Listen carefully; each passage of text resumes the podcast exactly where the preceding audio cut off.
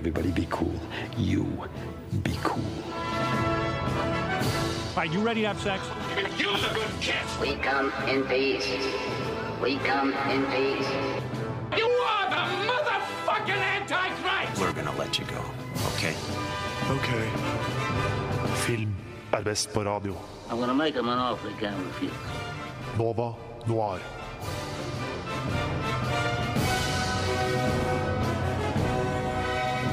Hallo, hallo og velkommen til Nova Noir. Du hører på Radio Nova. Klokka er forhåpentligvis ti. Eh, ellers så hører du på oss i din podcast-app. Vi er uansett ikke direkte, fordi vi som sist så sitter vi eh, hjemme og ikke i Radio Nova sine studioer. Eh, og dermed sitter vi da inne på mitt rom på eh, Sankthanshaugen. Og jeg heller ikke er alene. Vi hadde en nykommer forrige uke, Lars, men vi har også en nykommer denne uken, nemlig Aleksander. Hallo, hallo. Hallo, velkommen. Takk, takk. Hvordan, takk, eh, hvordan føles det? Det er spennende. Eh, Jeg merker at selv om vi på en måte ikke er i en live setting, så merker jeg at det er, er nerver, det er noe liksom som, som trigger noen greier oppi huet mitt her, som sier at eh, nå skal det tas opp. Absolutt. Ja. Og heldigvis så har vi en på spakene som passer på oss, og det er Magnus Tune. Tusen takk for at du har karret deg til Sankthanshaugen i dag. For vi er jo på Sankthanshaugen.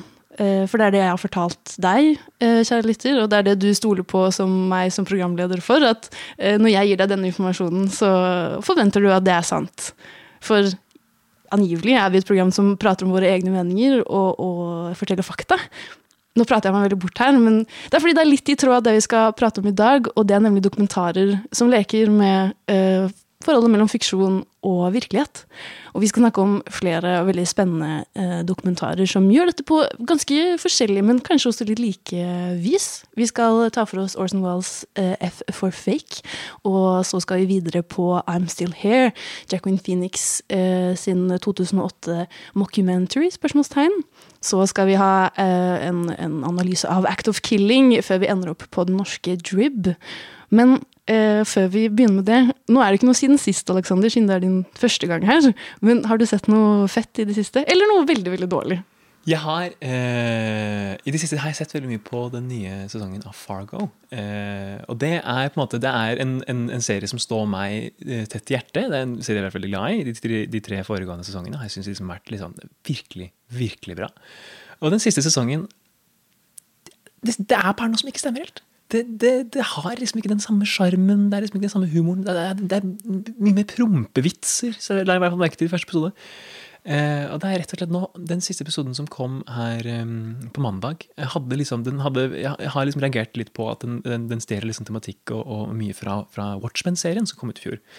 Og den episoden som kom her på mandag, den har også ganske mange likheter med en episode av Watchmen, som kanskje er min favorittepisode av den, den, den sesongen, men som bare virkelig ikke fungerer i Fargo. Eh, det er liksom en sort-hvitt episode. Men det er, det er, eh, så det er liksom en skuffelse i, i hverdagen for meg, dessverre. Men Hvem er det som spiller For det er jo nye folk hver sesong i Fargo, er det ikke det? Absolutt. Absolutt. hvem er det som er med i denne? Nå er det Chris Rock eh, som spiller mot, eh, mot eh, den godeste eh, Nå står det helt stille for meg. Han, vi snakket om til, til Copland, han, han godeste Jason Swartzman. Jason Schwartzman. Schwartzman spiller med. Eh, og så er det liksom en del, en del eh, kjente og ukjente fjes. Eh, Men er det så rart at det er litt prompeviser hvis det er Chris Rock som men det er er liksom ikke han som gjør disse prompevitsene. Det, er, det, er, det, er, det skjer med andre karakterer. Det hadde, jeg hadde kanskje tillit til hvis det var Chris Rock. Men Chris Rock spiller liksom veldig lavmælt og egentlig ganske liksom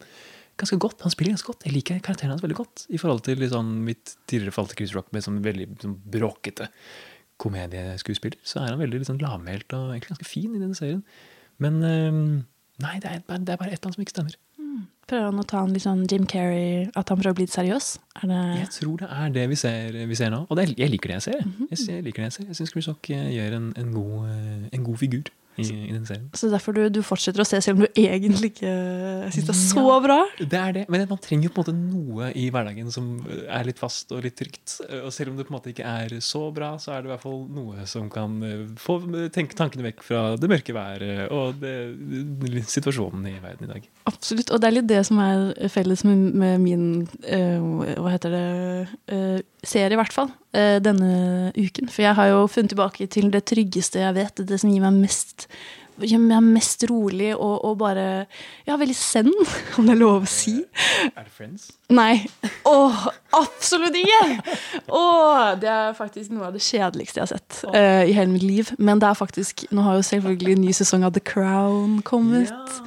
Og det er ingenting som gjør meg mer lykkelig enn kostymedrama og vakker musikk og uh, sinte engelskmenn. Ja, det skjønner jeg veldig godt. Jeg, så, jeg var hjemme hos moren min den dagen og så uh, en, en, en episode som var på i bakgrunnen. Og den er, den er flott, altså. Den er så flott. Den er kjempeflott. Og det er en av de få seriene hvor jeg ser introen hver gang. Ja. Og det er egentlig bare veldig veldig rolig musikk, og en, liksom det der er en krone som blir støpt. Mm. Og jeg sitter, jeg ligger i sengen min og bare nynner med og har det så fint. Ja, det, det er dørgende kjedelig for mange, kan jeg se for meg da. Det kan jeg se for meg. Men det er vel hun fra, fra The Favourite som spiller dronningen i The Favourite? Som Ja, spiller dronningen eh, Olivia Colman. Ja, Olivia Colman er det hun er fantastisk. Ja.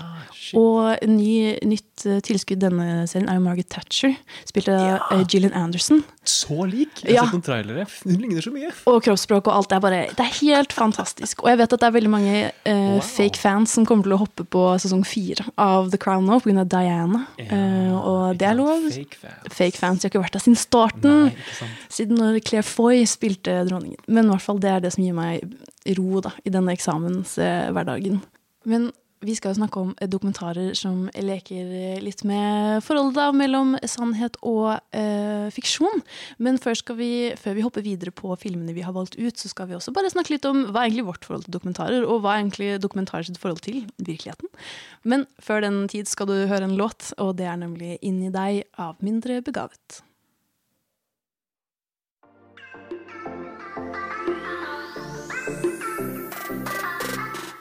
Lytter til Nova Noir her på Radio Nova.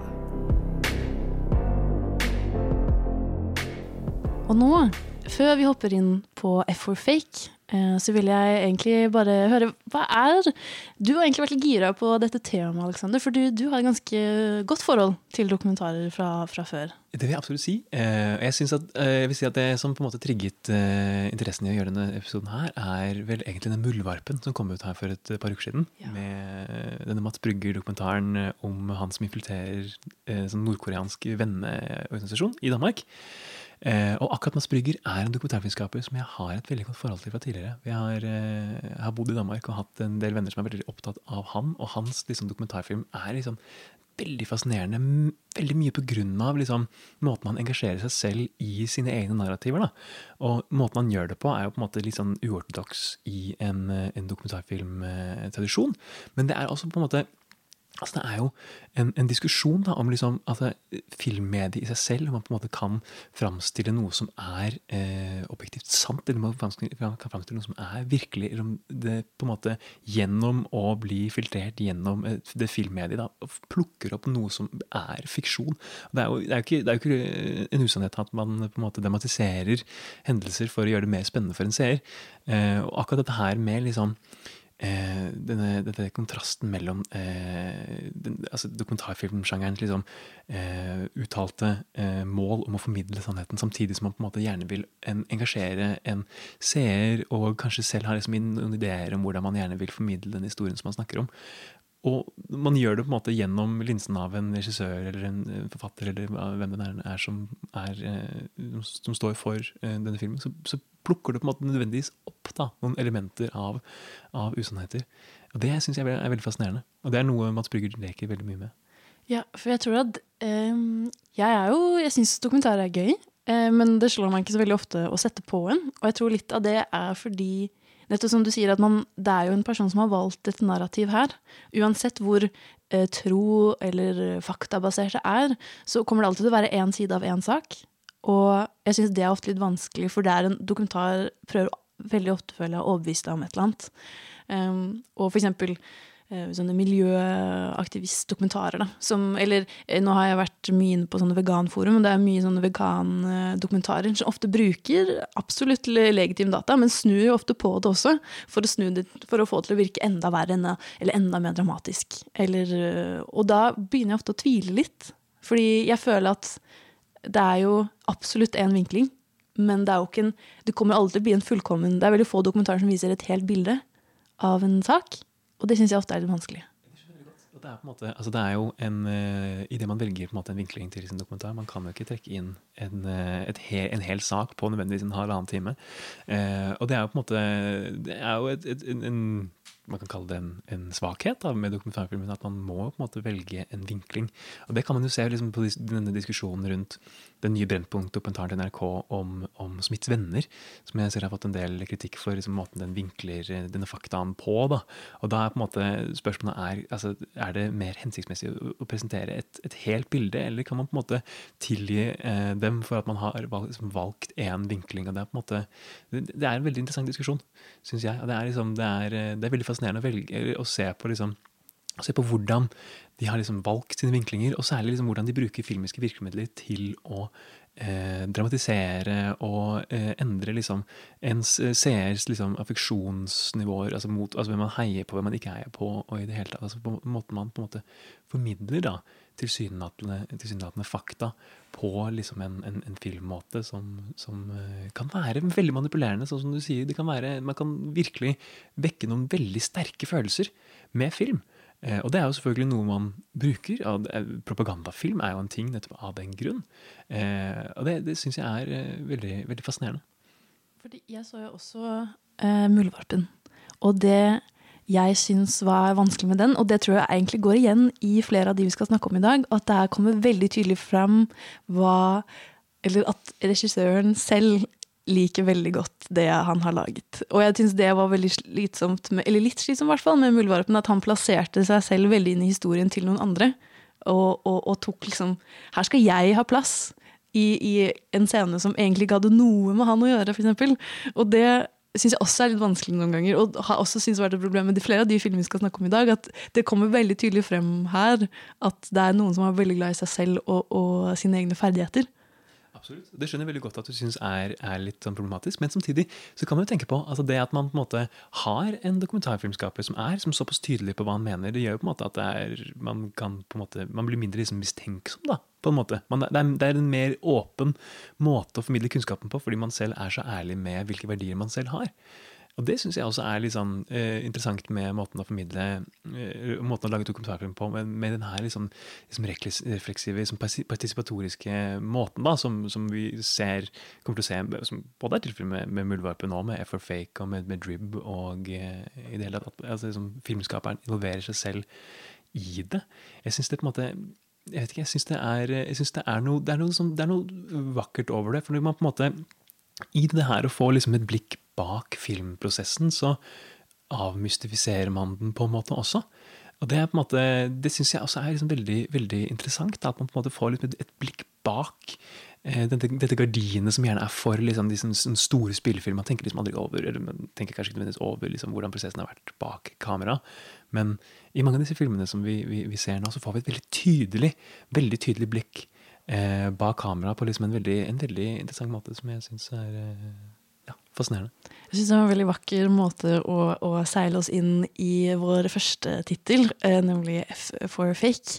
Og den skal vi prate først og fremst bare hva er det F for fake er, og hva er det den prøver å si. Men uh, før uh, vi skal snakke mer om den, så skal vi spille en låt til. Uh, og det er nemlig 'Penger i madrassen' av Blomst. Du Du du hø hører på, på Radio Nova.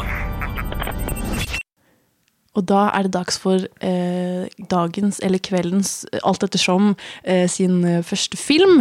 Og det er nemlig F of Fake av Orson Wells. Og denne er nok eh, en av Dette har du nevnt at en av dine mest satt, eller sånn elskede filmer, eh, Alexander? Det, eh, det, stemmer. Det er en film som jeg har et veldig sterkt eh, forhold til. En film som jeg har sett veldig mange ganger etter hvert. Eh, og som jeg setter, som jeg setter liksom veldig, veldig, pris på. at det er Jeg kan begynne å introdusere den litt. Det er en, en jeg har skrevet her i mine notater, en dokumentar i klammetegn fra 1973. Den er regissert, skrevet og medvirkende Arson. Den handler liksom, altså I utgangspunktet så er handlingen en en, en, slags dokumentarfilm om en, en kunstforsker som heter Emil Eh, Elmyr Dahori, som bor på Ibiza. Og han Altså, historien hans er at han eh, gikk fra å på en måte være en veldig fattig og, eh, og, og strebende kunstner, til å på en måte finne ut at, at han kunne tjene, tjene så utrolig mye flere penger hvis han bare forfalsket andres kunst. Han ble etter hvert veldig veldig god til det også, til et punkt hvor han nå liksom har forfalsket kunst som er i Altså, denne filmen ble laget i 1973, eh, som er i alle de store eh, kunstmuseene i den vestlige verden.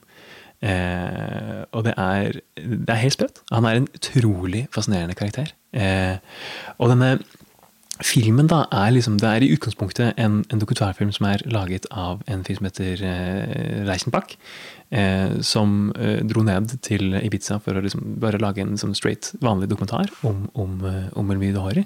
Og så eh, får han med seg Orson Wells til å liksom hjelpe med klippet. Eh, og så dukker det etter hvert opp en historie om at eh, han som har skrevet en biografi da, om Elmire Dohari, også har forfalsket en, en biografi om Howard Hughes. Han har forfalsket, eller han har forfalsket noen dokumenter som, liksom, vi, vi får det til å se ut som at han har blitt eh, oppfordret av Howard Hughes til å skrive dokumentaren, eller skrive biografien om han, eh, som blir en kjempestor nyhetssak, og som også blir en, en film Richard Gere i 2000 og, eh? 2006, som jeg ikke har planer om å se.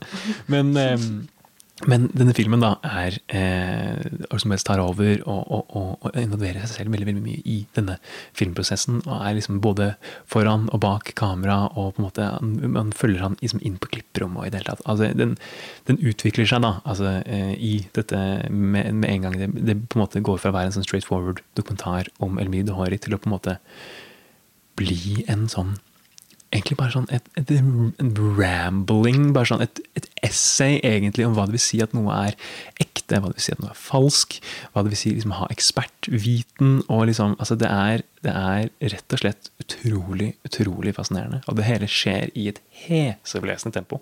Klipping i denne filmen er så utrolig energisk og ungdommelig. Og Orson Wells var sånn i 50-årene, tror jeg, da han lagde den. Den siste filmen han lagde før han døde. Selv om han døde 13 år senere, så fikk han aldri fullført en film etter henne. Fordi han hadde så mye problemer med, med studiesystemet og, liksom, og, og det å få finansiert og fullført en film. Um, så man merker bare at han liksom, gjennom å ha jobbet masse med spillefilmer eh, i sånne store, store uh, grupper og har som strevd veldig mye med å som få ut sin egen eh, idé, at han plutselig bare sånn får muligheten til å lage den lille dokumentaren og bare sånn bringe hele sin skaperglede ut i dette her, og kan styre det og kontrollere det veldig mye selv. Og involvere seg selv. Jeg ser du snakker nå, Ina, og det, du skal få lov til å ta over. Nei, jeg, bare, jeg syns det er veldig, veldig gøy å se deg gestikulere og, og fordype deg i den. Men jeg synes det som er veldig kult Jeg har ikke så veldig sterkt forhold til, til Orson Wells eh, fra før. Men eh, jeg syns at han var eh, veldig fascinerende å følge med på i denne filmen. Fordi han er jo Jeg føler at hver gang han ser på kamera, så bare oser han en eller annen slags sånn selvtillit og egoisme. Som jeg bare eh, syns er veldig fascinerende fra en, ja, en regissør, regissør sitt perspektiv igjen. Da. Dette med at liksom, han bare vet at han forteller den sjukeste historien akkurat nå. Og han, du- han koser seg i lyset av, av kameraene. Eh, og det var egentlig noe av det mest sånn fangende med hele dokumentaren. Den er utrolig selvopptatt. Altså, Orson Wells i denne filmen elsker seg selv. Og det er, det er litt kvalmt, og det er veldig morsomt. Eh, og det er rett og slett, men det er altså for min del så er det, det er eh, selvfølgelig historien som er utrolig utrolig fascinerende, og liksom en twist som skjer med slutten. Jeg vet ikke om du har lyst til å spoile den eller ikke. vi kan ta det etter hvert. Men, eh, men det er liksom mest denne liksom frenetiske, denne energien som oser ut i denne filmen. Den varer i litt over en time, en time og 20 minutter cirka, men den flyr forbi, og den er så flott. Og den er på en måte, den er utrolig fascinerende. Jeg er eh, veldig spent på å høre hva du syns om den. Det som jeg syns var fascinerende med også, var det at jeg følte at han fortalte sin historie gjennom Elmir. Og han sier det jo veldig sånn i starten av filmen sier sånn 'Us beautiful people'. Han liksom er veldig sånn opptatt av at han og Elmir er på samme, de er på samme nivå. da. Og han lurer jo inn sin egen eh, fortid. Fordi etter hvert i filmen så får vi vite at Elmir har jo måttet skri lage alle disse fake, eh, eller sånn denne, disse etterligningene, da, fordi han har ikke hatt eh, nok penger. Og han har ikke tjent nok penger på sin egen kunst. Så derfor har han angivelig da måttet gjøre det eh, for, for å få ting til å gå rundt. Og så smetter Orson inn med sånn ja, fordi når jeg var ung og jeg flyttet eh, fra New York, så løy jeg for å komme meg på scenen, for jeg sa at det var en stor New York-stjerne. Det var vel England han eh, reiste til. og begynte i det små, og jeg tror det er liksom det han prøver å fortelle. Da, og De refererer jo til flere kunstnere som har. Sånn, jeg tror det er Da Vinci de sier at han var jo en av de største eh, bedragerne eh, i de første årene sine. At han også drev og faket flere store kunstnere. Og at det er litt det Orson prøver å på en måte gjøre det mer greit at han har løyet i sin karriere, fordi det er så mange andre som også har gjort det. Men de er jo alle sjarlataner. Ja. Absolutt. Men det er, eh, det er veldig veldig fascinerende. Det er, altså, den, hele den historien om, om Elmie Hori er jo også veldig sår på mange måter. Altså Det at han på en måte i sin kunst, sine kunstneriske ambisjoner ikke, ikke oppnår den anerkjennelsen som han gjerne vil. Eh, og eh, når jeg har gjort litt research om denne filmen her i etterkant, så har jeg funnet at han, han var jo homofil. Eh, og det var jo i en periode hvor det var veldig veldig tabu. Ikke bare tabu, straffebelagt å være det. Han har, Rett før innspillingen av denne filmen så hadde han tilbrakt to måneder i fengsel i Spania for homofili. Var han Eh, ikke gift? nei. Nei. Eller kanskje han var gift, men det er i så fall ikke Nei, det var løgn, da. Ja, eller kan- Det kan godt være at han var gift, men som liksom en, en, et, et skalkeskjul. da, Ikke sant? Mm, mm. Men så vilt. Ja, absolutt. Men det er også på en måte måten de Måten de iscenesetter seg selv på, syns jeg er veldig fascinerende. For det er veldig tydelig at Elmie Duhari iscenesetter seg selv som den her liksom veldig den store larger than life-fyren som går rundt med magebelte og er liksom bare sånn Han er en sånn ordentlig karakter der han vandrer rundt i Ibiza og liksom inviterer folk på fest hjem hos han og er liksom en sånn veldig fascinerende fyr. Han holder opp en avisen og er sånn oh, The greatest art forger. Og det er jo uh, Orson Welles også kjempeopptatt av hvordan han iscenesetter seg selv. Og for en fyr som har hatt et så liksom, turbulent liv som det han levde, med liksom så store oppturer og så enorme nedturer også, så syns jeg det er det er på en måte en slags, en, slags redemption for Orson Wells å ha muligheten til å lage denne filmen. Eh, og på en måte vise hvor utrolig dyktig han kan være. Hvor, liksom, hvor mye energi han hvor mye skaperglede han har. da.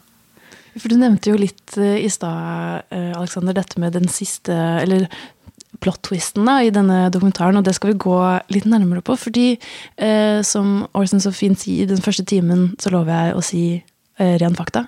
Men filmen varer jo en og en halv time. Så hva er sant, hva er ikke sant?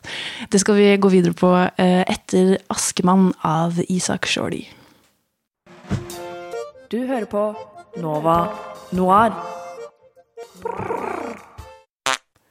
Og jeg tenker uansett, og vi kan bare eh, si det som det er med en gang, at eh, alle de kommende filmene kommer til å spolere eller spoile da, eh, på et eller annet vis.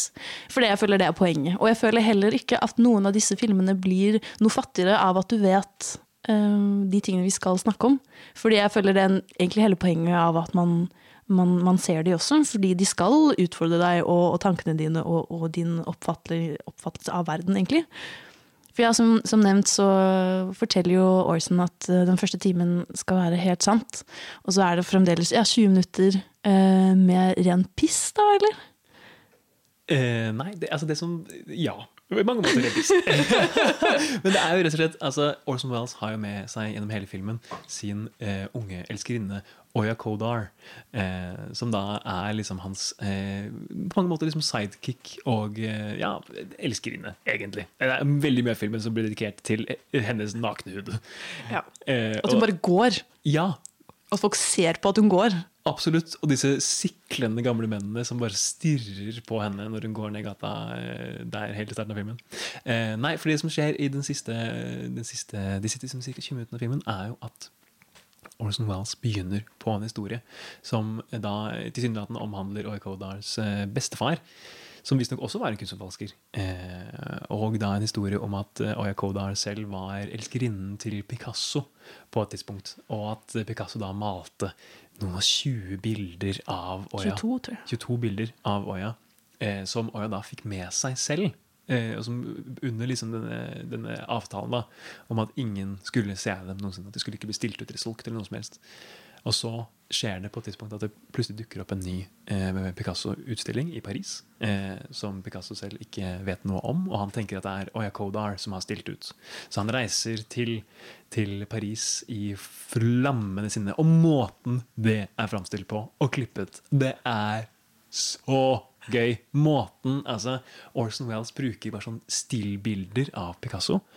Og stiller dem bak liksom, vinduer og har noen g- sånn glendere, sånne gardiner som han, han trekker fra og trekker for. Det er, det, det er kjempegøy å se på. For hele den sekvensen, egentlig, både fra når eh, Oya forfører eh, Picasso, eh, når hun går forbi da, et nytt antrekk for hver, hvert klipp, eh, en, en egen catwalk, rett og slett, og den norske eh, ja. Olaf! som har blitt frelst av jazz og sitter og plager eh, Picasso med, med, med spillingen sin.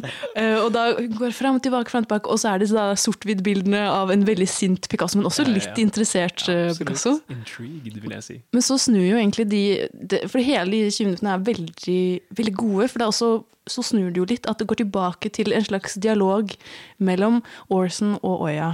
Men de spiller uh, han, Orson spiller Picasso, og Ja. Oya er sin egen bestefar. Ja, ja, ja.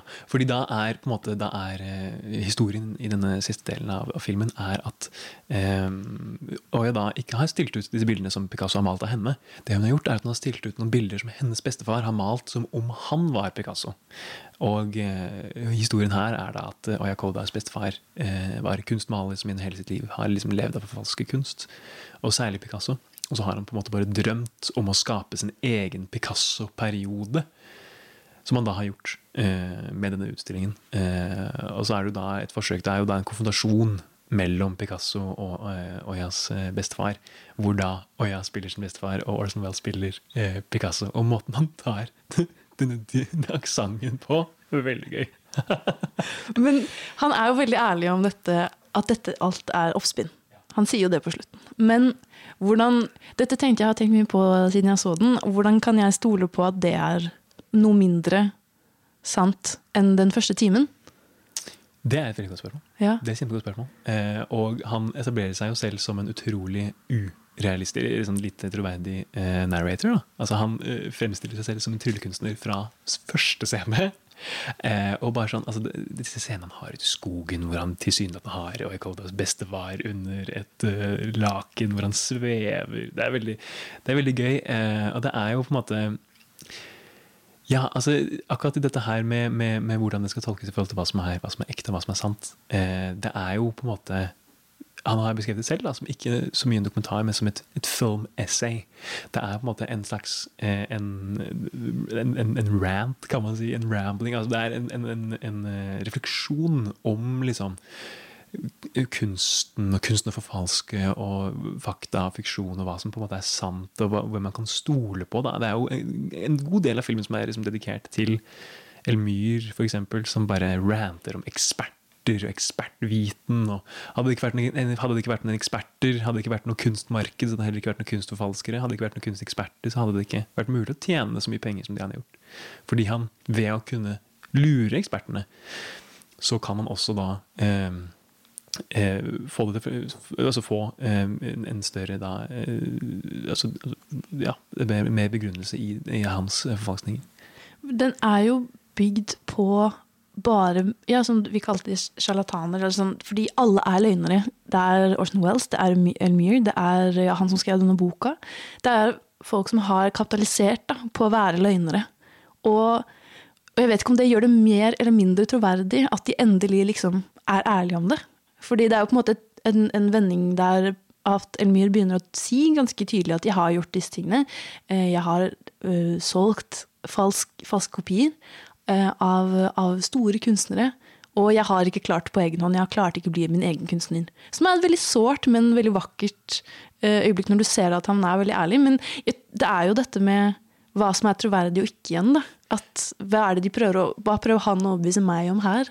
Jeg, jeg, jeg, jeg, tolker ikke så mye som en, en, spørsmål om hva som, er, hva er troverdig, hva som ikke er troverdig, hva som er fakta eller hva som er fiksjon, men mer det at det er kunst i forfalskning.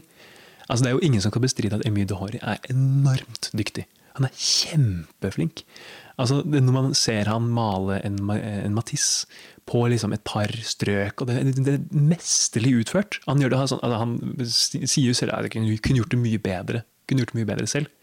Eh, og han er, han er uten tvil en enormt begavet kunstner. Den store tragedien i historien er jo at han ikke har funnet sin egen vei. Måten å, han ikke har liksom fått, fått en mulighet til å utfolde seg selv på, med, på sine egne, egne premisser. Og det er jo det er utrolig trist. altså bare et par år senere, etter at denne filmen kommer ut, eh, så går den spanske regjeringen eh, i, de inngår en avtale med den franske regjeringen om å, om å utlevere eh, Elmy de Hori for eh, da eh, kunstforfalskning. Så Emile de Hori ender opp å ta sitt eget liv eh, et par år etter at denne filmen kommer ut, fordi han heller vil eh, ta sitt eget liv enn å tilbringe resten av livet i fengsel. Det er, det er en ekstremt sår historie, men det er på en måte også en hyllest til til altså, I Orson Welles' tilfelle, den hvite løgnen, den gode historien. Han er jo, altså Gjennom hele filmen så er han på en måte bare sånn en, en han iscenesetter seg selv som denne store liksom, historiefortelleren som tar stemmen ned og forteller store, dramatiske historier. Får liksom alle rundt bordet til å le. Og er på en måte veldig veldig i kontroll over situasjonen. Og det er på en måte en, en, en slags liksom, altså, om det er en hyllest eller om det er en refleksjon om, om, eh, om løgner og falskhet. Det er i hvert fall, det er, det er noe der, og jeg syns det er veldig fascinerende. Jeg synes det er veldig gøy, Men det er på en måte, altså, for i, for i mitt tilfelle, det er energien, og det er skapergleden. Og det er på en måte bare sånn stem, stemningen, viben, i denne filmen som får meg til å bare komme tilbake igjen og igjen. Energi og skaperglede, det er det mye av vi skal snakke om eh, videre i dag. Forresten, fantastisk soundtrack av Michelle Legrand. Jeg, jeg tenker faktisk at uh, Nå skal vi jo videre på neste film, 'I'm Still Here', av Jacqueline Phoenix. Men jeg er helt enig, Alexander. Vi skal høre på F for Fake av Michelle Legrand. Du Du Du hø hø hører på. på Radio Nova. Og nå hopper vi ganske langt frem i tid. Vi skal helt til 2010. eh, Og da I Am Still Here kom ut, eh, filmen om da Jacqueline Phoenix bestemte seg for at han var møkklei av å være skuespiller. Han hadde vunnet Oscar, han hadde liksom nådd toppen, og alle digget han. Men eh, han skulle, bli, han skulle ta seg en pause, og han skulle bli hiphop-artist. Og eh, denne slags, eh, denne filmen da, er jo en mockumentary, kan man vel kalle det. Eh, for den er filmet av Casey Affleck, som da på det tidspunktet var eh, Phoenix sin eh, brother-in-law. Eh, og han skal da følge Phoenix i et år, mens han later som at han For det er det, da hele filmen handler egentlig om at ja, han skal eh, gi slipp på skuespillerkarrieren. Han skal bli hiphop-stjerne. Men så kommer det fram et par dager etter at filmen har premiert, at alt var tull. Alt var et skuespill fra Phoenix sin side. Han, eh, dette var bare en rolle, og han har bare lurt eh, hele verden trill rundt til å tro at han skulle ta en pause. Og det er jo egentlig ikke det man tar opp i dokumentaren, fordi i løpet av filmen får man aldri vite om det er sant eller ikke. Eh, Da følger du han bare ja, i, i ferden av å, å finne andre likesinnede hippopartister, og hvordan da make it big. Og hva du når du hva, hva følte du når du så denne filmen, Alexander? Jeg tror jeg vil oppsummere denne filmen her med et ord, og det er ubehagelig. Ubehagelig. Ubehagelig film. Ok. Det er rett og slett altså, jeg, jeg, jeg, jeg så den i går, i går kveld, jeg var uh, veldig sliten etter en lang dag på jobb, men jeg syns virkelig at altså, den, den karakteren som Joaquin Phoenix spiller Eller altså, Joaquin Phoenix i denne filmen her En mann liksom på randen av et enormt sammenbrudd. Altså, det er, det er rett og slett Rett og slett så ubehagelig å se han liksom gå videre i denne, dette tilsynelatende. fordi den, den, den starter jo inn som, eh, som eh, tilsynelatende en dokumentar, og har på en måte alle liksom, eh, hallmarks av en, av en dokumentar. Den er filmet på et veldig liksom, kornete håndholdt kamera, og den er eh, eh, i det hele tatt, den, den, bærer veldig preg av at den på en måte er en dokumentar, og det blir liksom på en måte kommentert til at eh, det er et dokumentarfilm-crew, og det snakkes veldig mye om den dokumentaren, og Casey Affleck dukker opp på Titan liksom, foran kamera og bak kamera. Og det er eh, Altså, i starten så visste jeg ikke helt hva jeg skulle, hva jeg skulle synes om det. Og så går det på en måte bare verre og verre og verre med Joaquin Phoenix. Og altså, han Altså, denne nedadgående spiralen, og han, når han skal ut og være hiphopartist, og disse, disse opptredenene han har, og det gjør så vondt. Det gjør så grusomt vondt å se på. Og særlig liksom måten han, han behandler disse vennene sine rundt han. Også, også veldig, veldig veldig vondt. Men det, er en sår film på mange måter. Jeg tror akkurat det var akkurat den opplevelsen jeg også fikk, for jeg satte den på på en søndag eh, for noen uker siden. Og uh, tenkte jeg skulle se jeg skulle være med min venninne Synne. Vi skulle se på noe hyggelig og, og gøy. Og jeg var sånn I'm still here. Den jeg har hørt, er veldig bra. Uh, morsom tulledokumentar hvor Phoenix lurer hele verden rundt til å tro han skal bli hypnotist. Det høres ut som et artig konsept. Så er det så bekmørkt.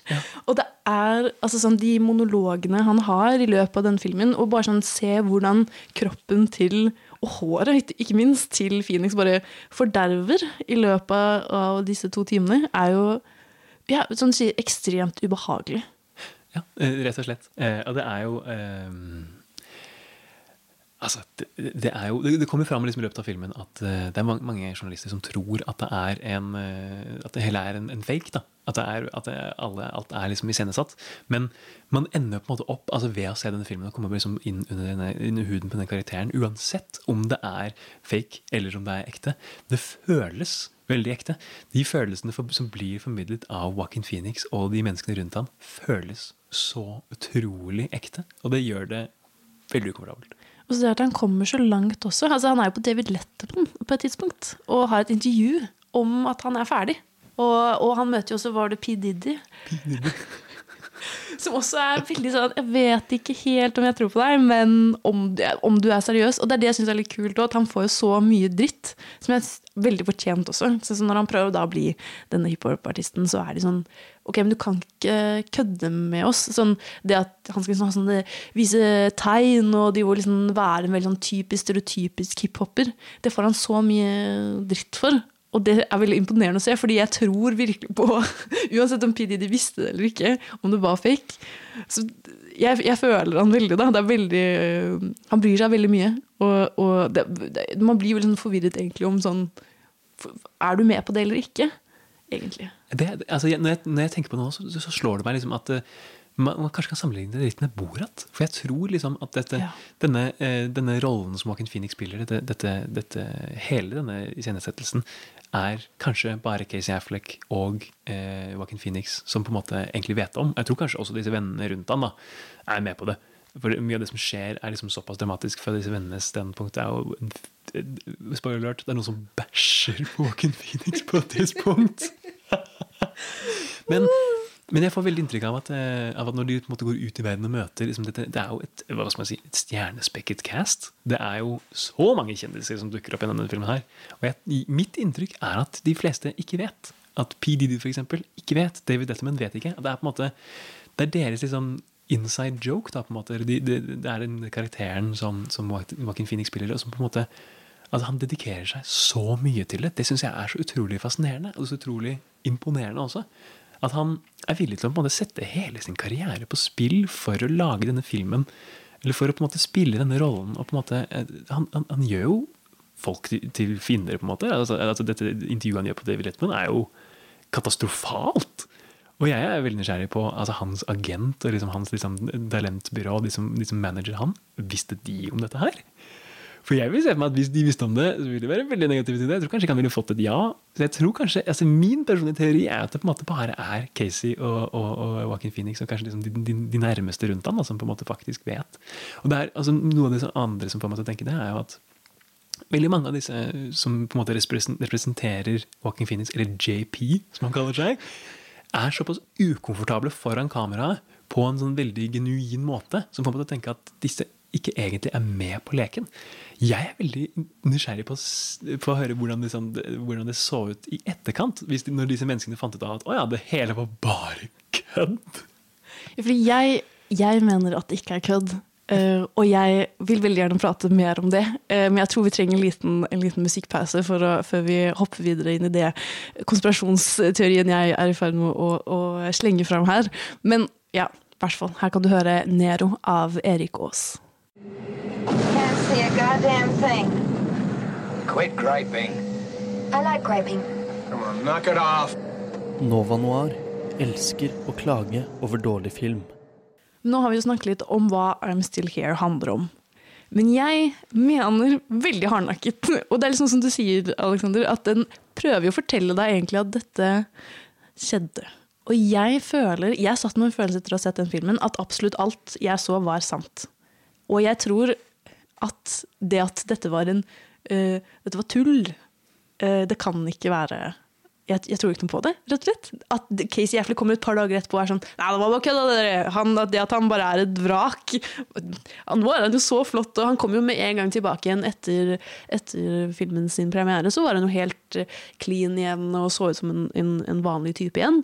Men som du sier, da, måten folk han oppfører seg på, altså sånn, de tingene han sier, de altså, Den lengden han går da, for å overbevise om, oss om at han er så langt nede, det tror jeg har noen veldig, veldig sterke eh, holdepunkter i virkeligheten. Det tror jeg faktisk du kan ha helt rett i. Jeg tror, jeg tror, nok at den har på en måte en inspirasjon i virkeligheten. Eh, men samtidig så er det det er, liksom, det, er, det er, såpass mye som er såpass ekstremt, da, på en måte, altså, den rollen han spiller. Altså, eh, jeg tenkte da jeg så den, eh, med liksom denne her, å ha sett The Joker i bakhånd, eh, så tenkte jeg at eh, det er litt den samme karakteren på mange måter.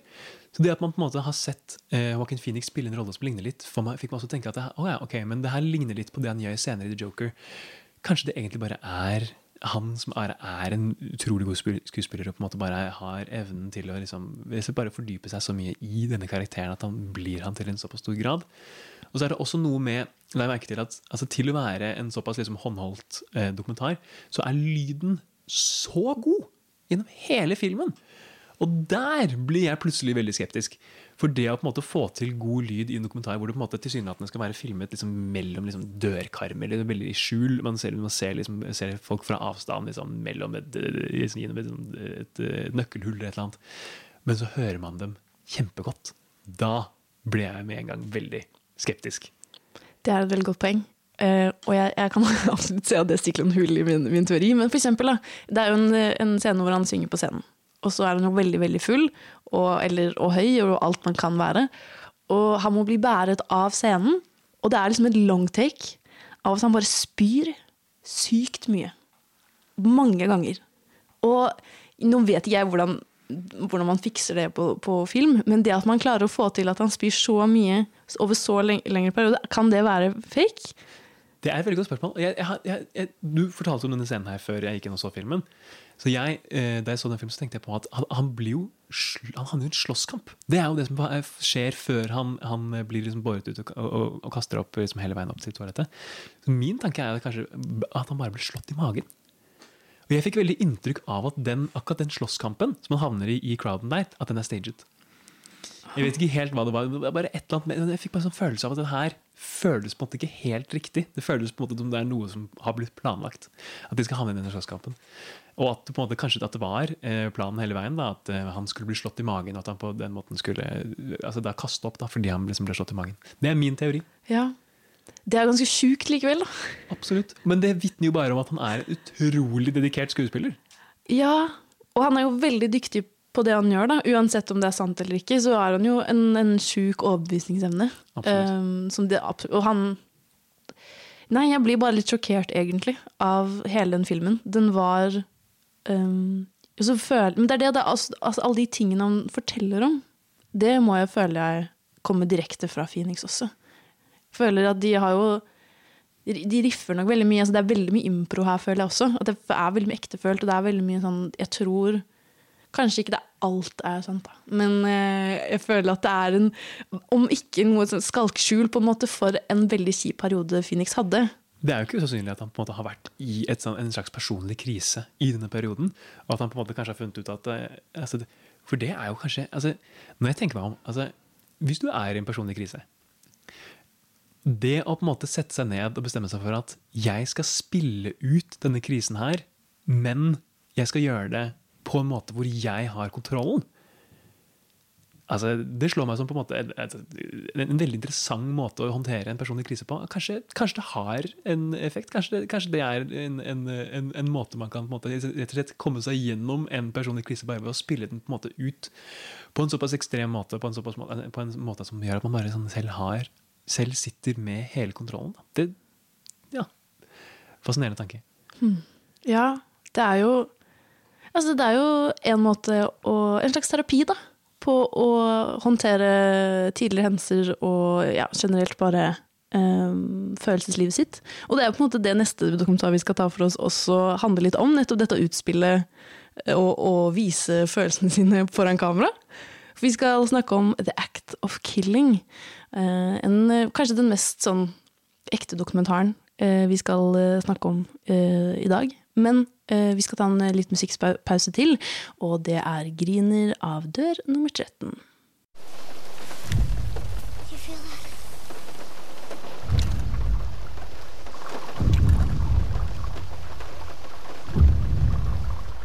Nova Noir. Det merkes på tyngden. Og nå skal vi til The Act of Killing, eh, en film av Joshua Oppenheimer, som egentlig da handler da Den er fra filmet i Indonesia, og handler da om at, en, at regissøren Joshua eh, konfronterer og overbeviser tidligere paramilitære ledere eh, om å gjeninnspille massemordene de utførte på 60-tallet. Og resultatet blir både en blanding av eh, tåkelagt noir og, og fargerik musikal, og også utrolig en store åpenbaringer for de som blir uh, intervjuet. Og dette var mitt første møte med Act of Killing var i går. Og jeg tror ikke, jeg vet ikke om jeg noen gang hadde vært klar for å se den heller. For det var en veldig intens opplevelse. Nettopp fordi da, du hopper veldig brått inn i det. At uh, du er i Indonesia, du blir møtt med disse da Du får veldig mye informasjon om alle de angivelige kommunistene som ble drept uh, på 60-tallet. Mange, mange tusen. og så hopper du rett til en scene av at du ser noen demonstrere hvordan man bruker en tråd til å hugge av hodet på den mest ryddige måten, som man sier, generalen. At, ja, for det ble så mye blod, og det lukta så vondt, liksom, så derfor måtte vi gjøre det på en mye mer en mer effektiv måte. Og det er egentlig bare hvordan hele filmen fortsetter også. Det er blod og helvete og bare prat om drap som ingenting i to timer, rett og slett. Hva var ditt første inntrykk av uh, Act of Killing når du så den, Alexander? Jeg tror at jeg var målløs Mm. etter at jeg så den første gang. Mm. Altså, det er, det er virkelig en, altså, en helt unik film. Den er jo altså, utrolig, utrolig, eh, utrolig fascinerende. Den er jo, den er jo så eh, voldelig og, og, og, brutal og sår. Og den på en måte åpenbarer så mange vonde sannheter om mennesket. Eh, og liksom, altså en, et, veldig, et veldig sterkt eksempel på det, dette her med at altså, det, det, vinnerne som, som skriver historien. Eh, og altså, det er, det er rett og slett det er rett og slett så fascinerende. Og det her er også et eksempel på- det vi snakket om tidligere, med, med måten man på en måte framstiller mennesker i dokumentarfilmer. Altså, det her er jo da Eh, en, vi møter jo da en gjeng eh, med eh, tidligere paramilitære, la oss kalle dem det er massemordere, som eh, ikke på noe tidspunkt har møtt noen altså, De har ikke fått noen, noen konsekvenser for det de har begått gjennom sin karriere. De, er derimot hyllet som helter. De har ingen liksom, personlig eh, erfaring, eller liksom, en, en reckoning med liksom, hva, de har gjort selv. De har, de, de har liksom ikke reflektert over det på en måte. Men, men, men det her, det, altså, den personrefleksjonen er noe som kommer til syne gjennom disse gjeninnspillingene. Og det er rett og slett så fascinerende å se på. Og det er det at de fortsatt i dag, til og med de unge, har ikke noe anger for noe, eller har noe forståelse for at, eller tenker at det de gjorde før, var feil. Det er også fordi de har løyet mye og sagt at alle de drepte var kommunister eller var um, fortjente å dø. Men det er jo det at de, for når de refererer ofte til seg selv som gangstere. Og de er sånn ja, men gangster kommer fra en ordet fri mann, og, eller fri fugl. Og, og så refererer de også veldig mye til Hollywood-filmer. Eh, For eksempel så sier de at eh, inspirasjonen de fikk, var ofte Marlon Brando eller eh, Al Pacino. Og bare hvor sjukt må det være for Al Pacino å høre at han er inspirert til massemord? Til altså sånn, de sier hele tiden ja, vi så det her på film, så da prøvde vi det i virkeligheten. Og jeg bare prøver å liksom forstå at du har laget underholdning som blir brukt i praksis til å drepe folk. Men, men altså det syns jeg altså Akkurat den diskusjonen der, den kan fort bli litt sånn toxic. Altså den her med liksom hvordan altså For eksempel da, om, om, om eh, dataspill er noe som oppfordrer til vold eller ikke. Om det å se vold utspilt er noe som oppfordrer mennesker til å utføre vold. Der står jeg og lener mot at det ikke nødvendigvis gjør det. Men det er på en måte altså, Det at noen kan bli inspirert av å se ting, lese ting, høre ting, betyr ikke at man på en måte ikke skal vise det av den grunn. Det er på en måte, altså Den viktige del av, av menneskelig erfaring er på en måte består i vår evne og vår kapasitet til å være brutale mot hverandre, som dette her er et enormt godt eksempel på. Det er jo på en måte, altså Problemet her ligger jo ikke i at de på en måte henter sin inspirasjon fra Hollywood fra filmer. Det er mer det at de på en måte ikke har noen refleksjon over hva de gjør. De tenker ikke på sine ofre som mennesker. Og det er jo noe av det som er mest fascinerende med den filmen, er at denne refleksjonen, denne altså de- innser gjennom denne filmen, gjennom å innspille, gjeninnspille sine, sine handlinger, at det de har gjort, er grusomt. Og det er jo, altså det, det kommer jo på en måte fram i det, liksom dette, de, dette de spiller inn når de, de holder på med denne noir-scenen. og tenker på at, altså, det, går det vel opp for en at liksom, vi, hvis, vi, hvis vi fortsetter, hvis vi spiller inn dette her, vi kommer til å bli oppfattet som, som skurkene. Og når det, når det på en måte går opp for dem, det er et så viktig og så fascinerende øyeblikk å se det på en måte gå opp for dem. da. Hvilke grusomheter de har begått. Det jeg har blitt veldig imponert over, er hvordan Joshua Oppenheimer har kommet så nærme. Eller fått lov til å filme alt sammen. Eh, fordi de er jo utrolig ærlige om For eksempel, det er mange ekle menn i denne filmen. Blant annet er Åh, jeg ble sånn sint av å sitte og se på det, hvor det er eh, De skal spille inn en sånn scene hvor de ødelegger en landsby. Og så sitter liksom gutta rundt et bord, og så snakker de om tidligere tider, da. Om at eh, de voldtok alle kvinnene de så hvis de var pene nok. Og så sier han også ja, og spesielt hvis det var 14-åringer. Og, og, sitter liksom, og, og alle menn bare uff. Og jeg var helt sånn så med på det. Og det at de liksom har fått med det på film, syns jeg er helt vilt. Og det er sånn annen scene hvor en, en av de blir liksom tatt bilde av med, med en søt jente. Og så er han bare sånn «Å, Så kjipt at hun har blekt håret sitt, for hun ser ut som en hore. Som også er helt ville ting at de kommer liksom At de tenker at de vet jo veldig godt at de blir filmet, men likevel da, så, så sier de det så åpenlyst. Og det sier jo litt igjen da om det du sier, at de har aldri fått noen konsekvenser for tingene de har gjort. Så de tenker jo at måten de, de håndterer til, eller snakker på og oppfører seg på, er helt vanlig. Og egentlig hyllet på en eller annen måte. på, på en utrolig forskrudd og forferdelig måte. Eh, og det er på en måte, altså Lærdommen i denne filmen er jo på en måte altså, en, en gruppedynamikk på den måten, og en, en gruppehistorie, eh, en historiefortelling som på en måte bygger eh, på denne måten, da, er så farlig. Kjempefarlig. Man kan få hverandre til å gjøre de mest sinnssyke ting. og Man kan fullstendig miste grepet om andres menneskelighet gjennom å på en måte øh, miste seg selv eller, og, og fordype seg selv i et, i et slikt narrativ. Og det er rett og slett så fascinerende. Men det er jo altså, det er jo ikke unaturlig å på en måte eh, sammenligne denne filmen her med liksom, Nazi-Tyskland. Og si at dette her er som om SS-offiserer i konsentrasjonsleirer fikk lov til å lage en film hvor de er framsatt som heltene og får lov til å vise fram måtene de drepte mennesker i konsentrasjonsleirer på. Og det, det, det, er, det, er, det, er, så sinnssykt. Og det er, det er rett og slett en film som er utrolig morsom, alt tatt i betraktning. Og utrolig sår. Og veldig, veldig, veldig viktig. Absolutt. Og jeg synes vi egentlig, burde egentlig gå litt nærmere på akkurat den filmen de lager. Fordi det er jo der de står for regi, de står for kostymene, de står for musikken. Og det blir ekstremt absurd og humoristisk og rart eh, på en eller annen måte. Eh, så jeg vil gjerne at vi skal se enda nærmere på det. Eh, men jeg syns at du burde få tenke litt over ja, nettopp hvor jævlig denne filmen er. eh, med en veldig fin låt, eh, og det er Come Correct av Siri Black.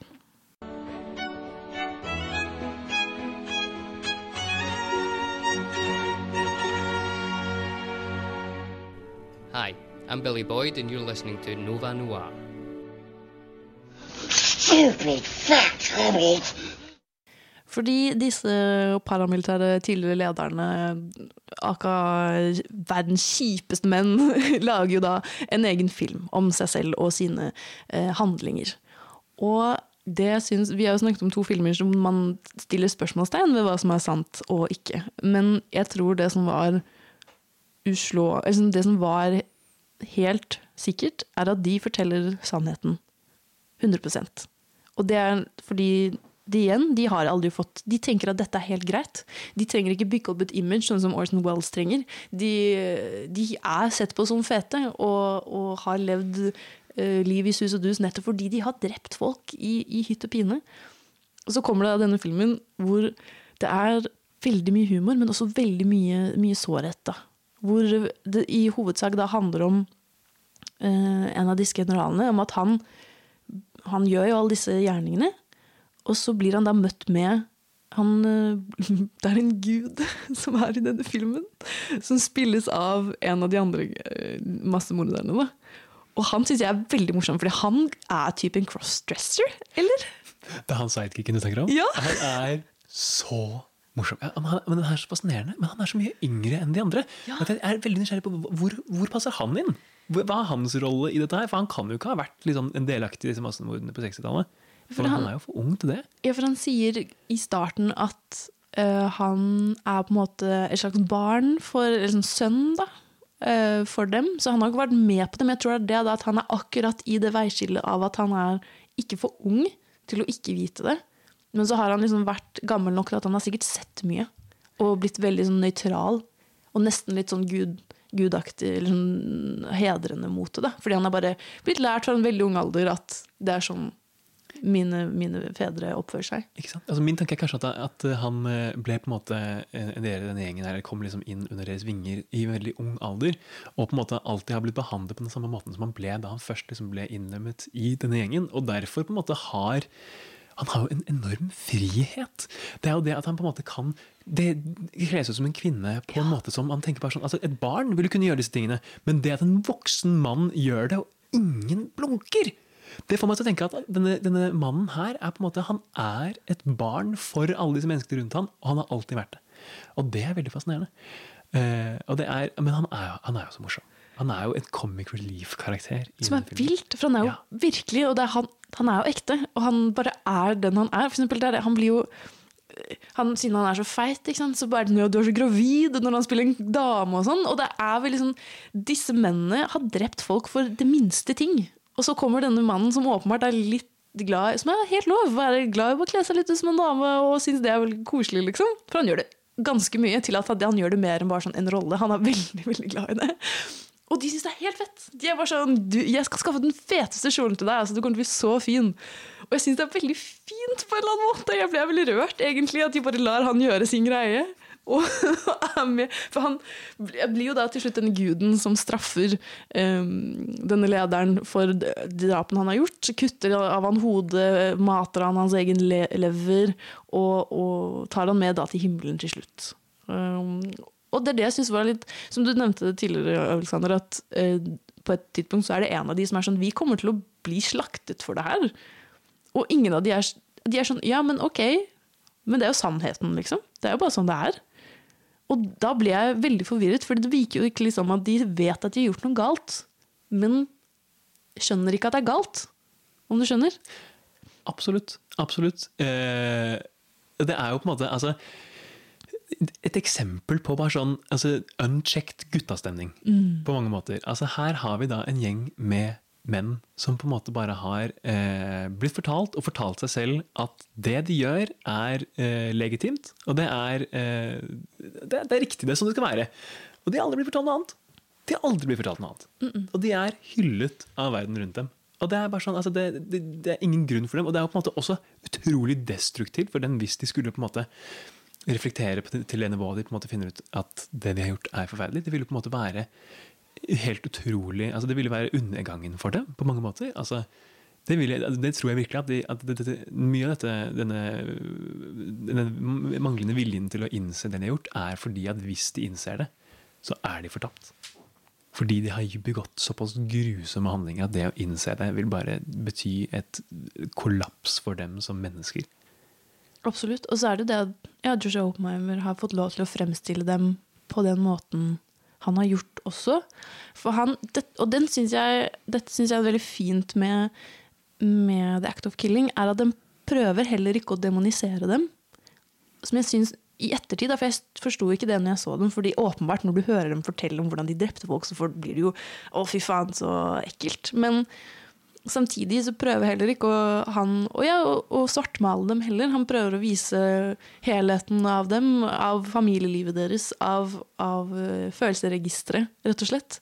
Som jeg syns var veldig vakkert. At sånn, han prøver på et sett å vise at ja, disse menneskene har gjort helt forferdelige handlinger som de må anerkjenne på et eller annet tidspunkt i livet sitt. Men de er også bare mennesker. Som traff meg veldig veldig hardt, egentlig. Det er, det er veldig sant. Og det er, det, det er veldig fascinerende. Jeg er veldig veldig glad for at hun ikke prøver å tvinge nedover noen narrativer, eller på en måte prøver å demonisere disse, disse, menneskene. Da. For det er jo Det er derfor jeg sa tidligere at jeg syns denne filmen er så viktig. Fordi den nettopp viser da kapasiteten mennesker har til å begå grusomme, brutale handlinger. Eh, hvis man på en måte bare framstiller det på en måte, en viss måte, en riktig måte. Eh, og det er på en måte, det, Man skal ikke glemme at de er også mennesker. Det betyr ikke at de, skal, de skal ikke ha vår sympati, selv om på mange måter så man får, man får et slags sympatiforhold til dem allikevel. For de er jo sympatiske gamle menn. Jeg har personlig et svakt punkt i mitt, i mitt eh, liv for gamle menn. Hvis jeg ser en gammel mann på TV, jeg blir rørt. det skal så lite til. Ble du rørt av Dagscock Killing? Eh, han hovedkarakteren ja. rørte meg litt, men han er jo også veldig sjarmerende. Han er veldig søt. Ja. Og hvert fall når han driver og dytter opp tennene sine. Ja. Og du ser at de liksom sklir på plass. Jeg synes det var veldig behagelig, men også veldig artig. At han var sånn og så var de, var de i gang. At han farger håret sitt. Han har egentlig grå i, hår, glå i håret, men han farger det sort. For han må jo se ung og, og skarp ut, på en måte. Veldig sjarmerende type, egentlig. Men jeg, altså en, ting jeg syns er veldig fascinerende med denne filmen, her, er hvor dypt Joshua Oppenheimer er villig til å gå i dette her. Han er rett og slett villig til å fordype seg selv og bli venner med disse menneskene som har begått disse grusomme handlingene, som også er kapable til disse grusomme tingene. Det er jo utrolig farlig! Mm. Hvis det skulle gå opp for dem, eller hvis de skulle bli overbevist om at han prøver å lage en film som demoniserer dem. Derfor er det jo også ekstremt viktig at han ikke gjør det. Fordi han sitter her med mennesker som har drept mange mennesker, og er villige, kapable til å drepe mange mennesker. Og det at han på en måte kaster seg ut i det, og tør å lage denne filmen Fy faen. Jeg er så imponert. Og Det er jo ikke den siste filmen han har laget om eh, disse massemordene i Indonesia. Han har jo også laget en film senere som egentlig bare er et intervju mellom en som jeg, så jeg kan huske, er, er, er, eh, sønn av en som har blitt drept, og en som har da drept eh, familien til denne mannen. og Hvor på en måte, gjennom, gjennom, dialog prøver å på en måte komme fram til en forståelse av hverandre. og der, Jeg har ikke sett filmen selv, men jeg har hørt, hørt veldig mye godt, godt om den. Mm. Det vil jeg absolutt sjekke ut selv, for den, den filmen her traff meg veldig, veldig overraskende og, og, ja, veldig hardt. Og jeg anbefaler i hvert fall, hvis du ikke har sett den før, kjære så burde du absolutt gjøre det. Og igjen dette da med hvordan man velger å fremstille seg selv, hvordan man tillater noen å filme seg selv i, i sine, sine mest sårbare øyeblikk også, er veldig, veldig Ja, rett og slett imponerende. Og det var den tredje filmen vi har pratet om den sendingen. Og vi skal videre på den fjerde, den nyeste, og en norsk film og det er nemlig Drib fra 2017. Og, men jeg tenker vi skal høre en låt uh, før den tid, nemlig 'Someone To Lose' av Jonas Ibiki og Leon Merluso.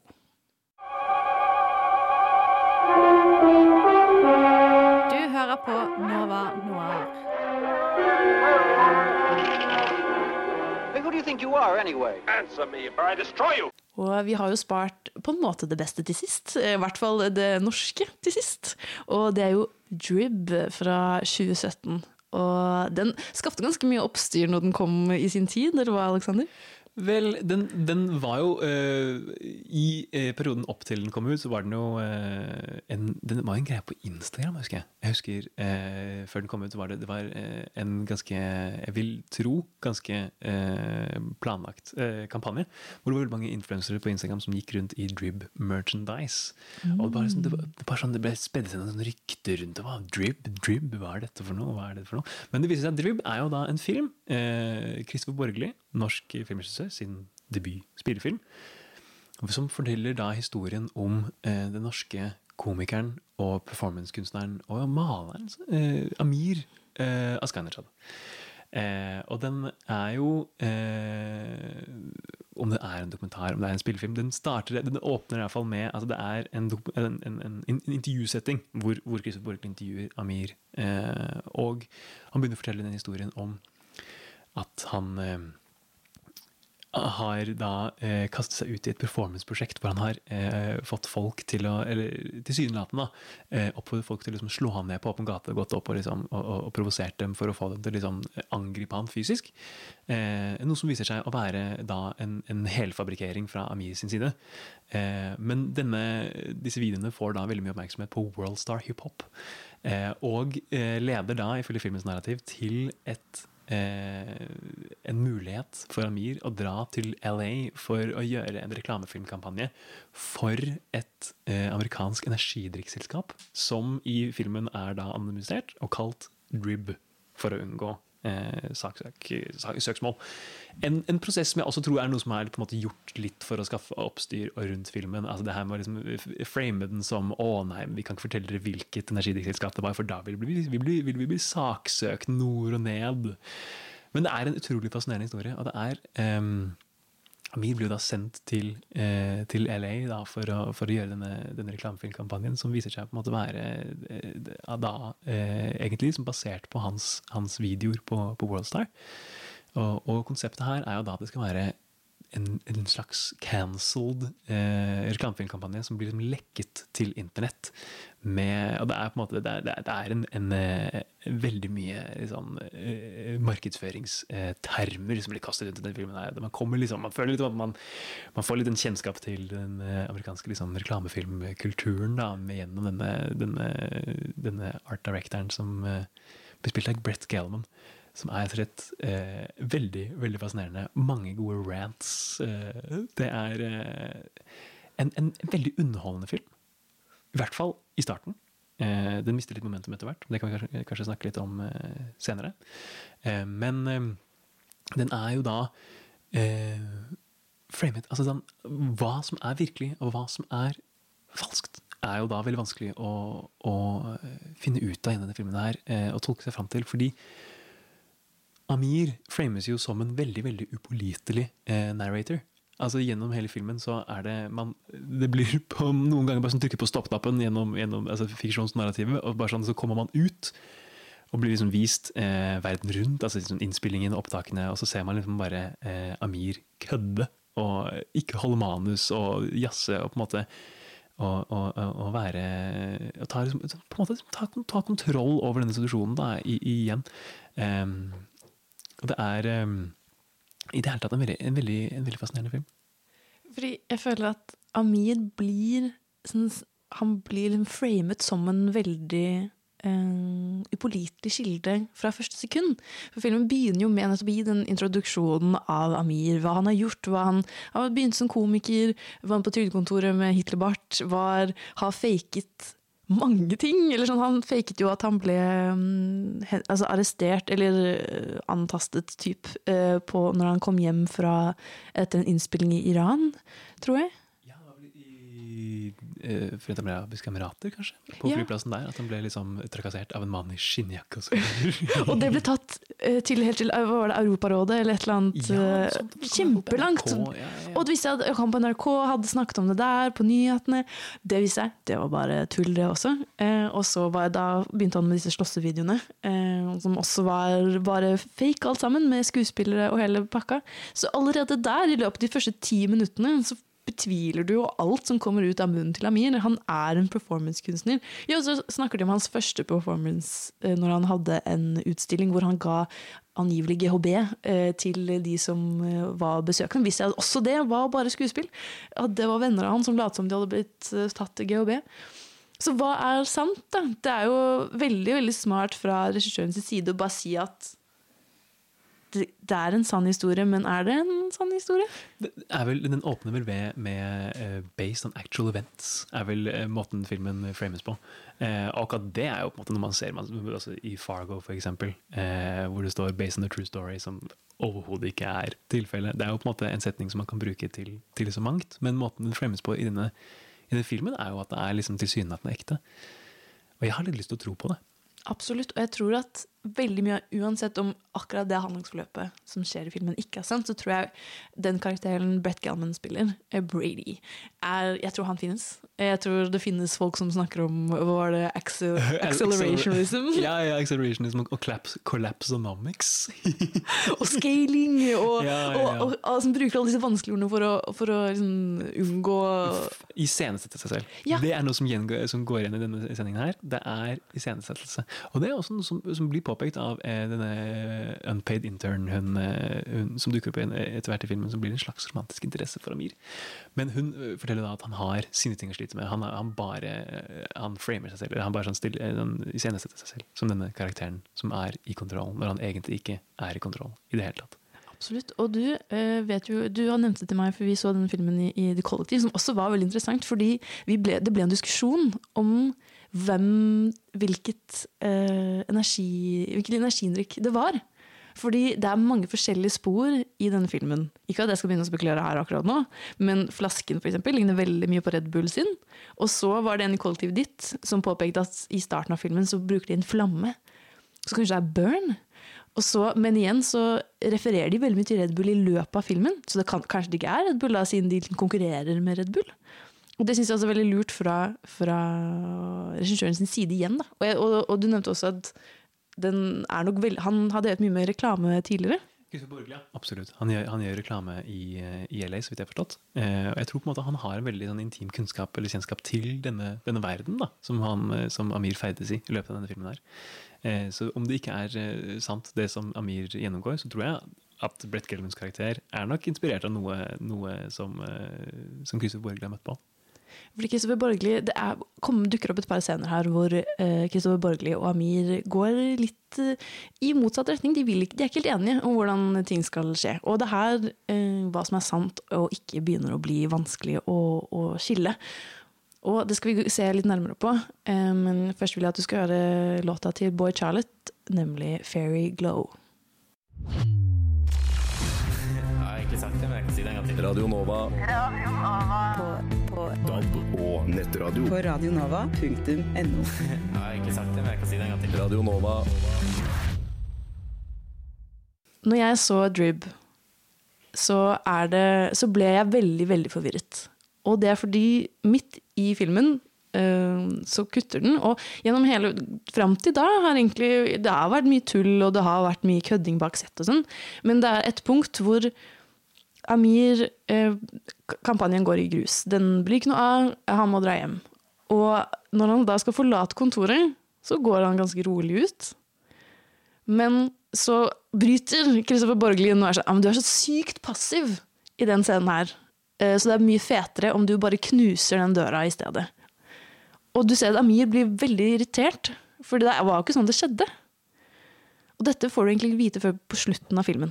Og da begynner man jo også å lure på hva er det egentlig som har skjedd. Hva annet av filmen er det som er Kristoffer Borgli sin kreative, uh, sin kreative valg? For han sier at det er mye mer spennende for leseren om du har liksom en peak. Absolutt. Og det er noe som, altså Han sier jo at, uh, at problemet er ikke at han er passiv i scenen, problemet er at han er passiv gjennom hele filmen.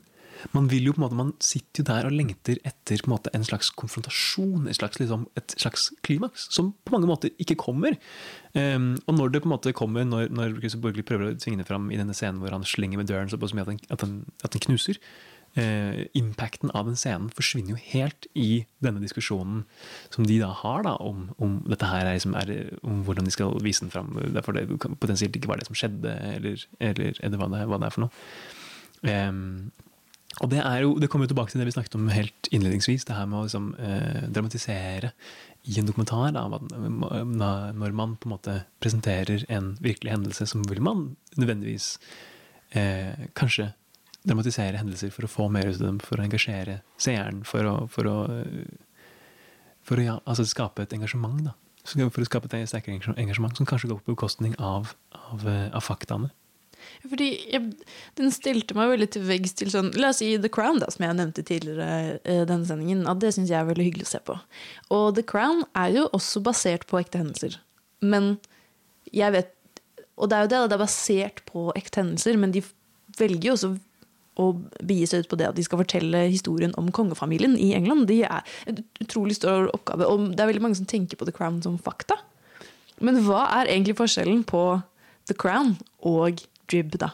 Som også er da basert på ekte hendelser. Det er et veldig godt poeng du tar opp. Jeg vet ikke om du har fått med deg hele den diskusjonen omkring Atlantic Crossing.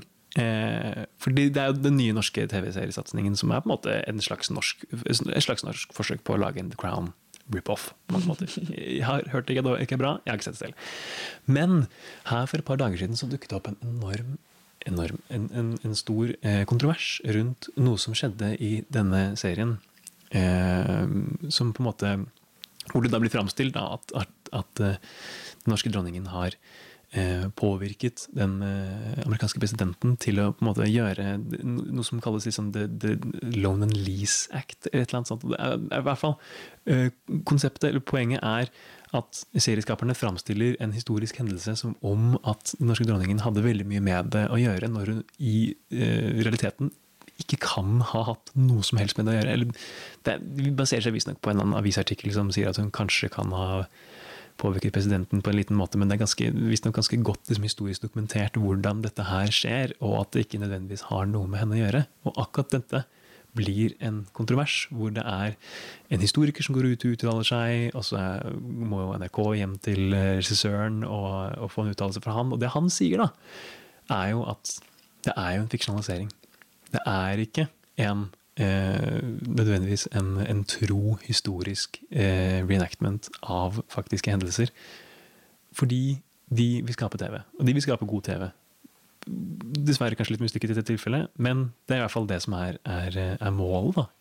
Og da er det jo ikke us uhørt at man tar seg eh, noen liksom, kreative eh, innspill, eller gjør liksom noen kreative eh, kutt og, og lim eh, i, i denne settingen. Men spørsmålet er jo da For mange som ser på denne serien, så vil jo dette her oppfattes som det ekte. Og man vil tolke det til at Men det må ha vært slik det skjedde, for det var det som ble framstilt i Atlantic Crossing.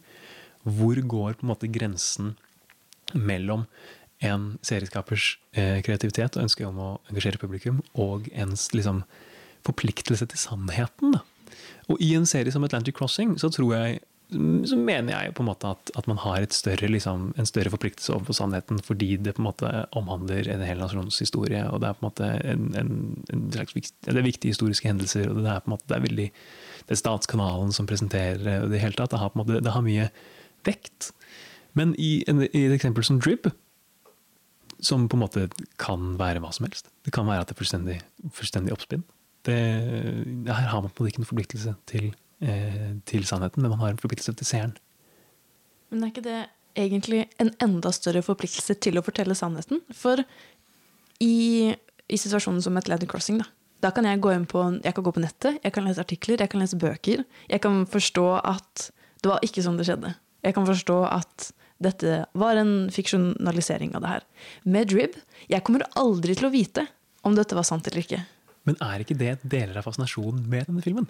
For det er det jeg syns, i hvert fall. Altså mitt, altså mitt forhold til Christopher Borge i det hele tatt, han er jo en regissør som liker veldig godt å leke nettopp med kanten, med grensen mellom hva som er fiksjon og hva som er fakta. Og det tar han på en måte veldig mye lenger i denne filmen. Og det er det som jeg syns er unikt og fascinerende med denne filmen. Man vet ikke hva som er sant. Og det er på en måte opp til en selv. Det er en film som på en måte lever videre i ens egen fantasi. som er på en måte, Det er jo grunnen til at jeg så den her første gangen på kino da den kom ut i 2017. Og jeg har tenkt på den siden. Og det er jo nettopp pga. måten den leker mellom, med, altså i dette grenselandet mellom fakta og fiksjon. Og det er derfor den på en måte har fått et, et videre liv, i hvert fall, i, i mitt, uh, mitt hode. Nå skal vi egentlig gå videre på en musikkpause, men jeg vil bare stille ett spørsmål, Alexander. Og jeg tror du at det som, angiv, eller det som fremstilles i Drip, tror du det er sant? Nå er det jo på en måte bare synsing for min side, for jeg kan jo ikke vite. Um, men hva føler du? Så når du har sett den, hva tror du på det? Jeg, jeg vet ikke. Jeg, jeg tror Da vi så den, så presenterte jeg en teori om at, eh, at eh, det kanskje bare er eh, Amir som har kanskje fått tilbudet. Eh, og så har han snakket med Christopher Borgli om det, og fordi Christopher Borgli har på en måte en fot innenfor døra, så har han på en måte spinnet, spunnet det videre og funnet på den historien. Det kan ha skjedd. Det kan ha vært at han dro. Det er, det er veldig vanskelig å vite. Eh, men nettopp dette her da, med at man på en måte fortsatt tenker på det og, og, og, og finner på historier i sitt eget hode og prøver å på en måte, hva, hva er mest sannsynlig, og hva, hva kan ha skjedd, kan dette ha skjedd i det hele tatt, eller Det er på en måte det som gir denne filmen et, et, et videre liv, da, på en måte. Du Du Du hø hø hører på, på Radio Nova.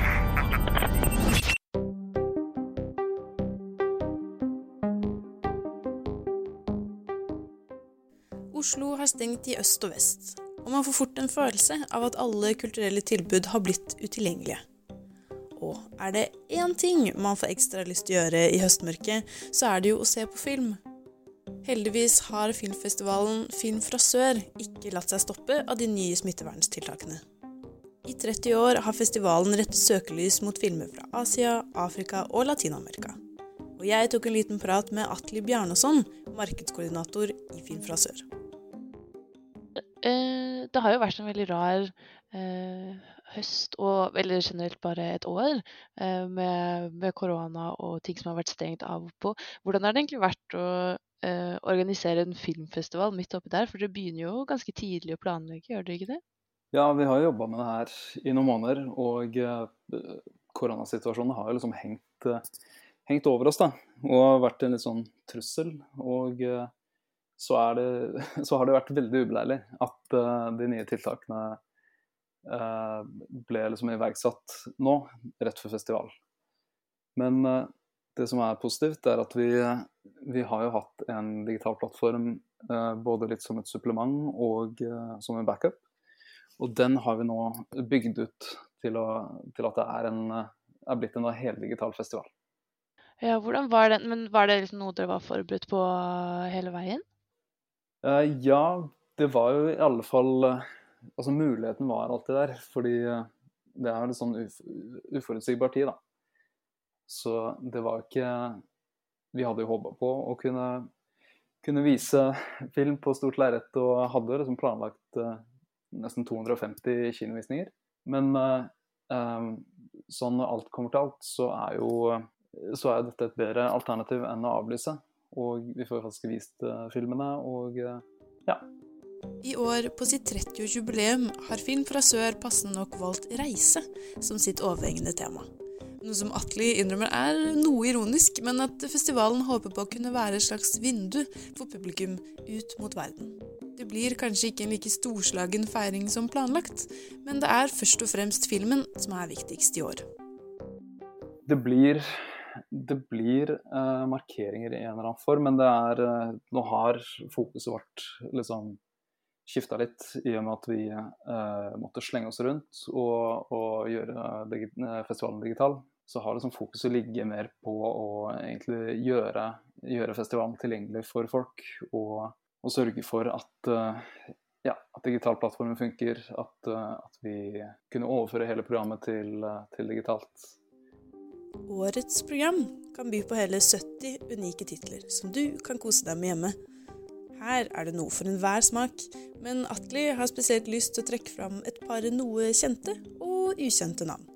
Det jeg eh, gleder meg til, er jo Vi har jo bl.a. et eh, retrospektiv med Bong Joon-ho, som, eh, som lagde 'Parasitt', som, eh, som, jeg vet at veldig mange har sett. Så man har mulighet til å til å dykke ned i de tidligere filmene hans, eh, helt eh, tilbake til debutfilmen, som, eh, som ikke har vært så lett å få sett her til lands.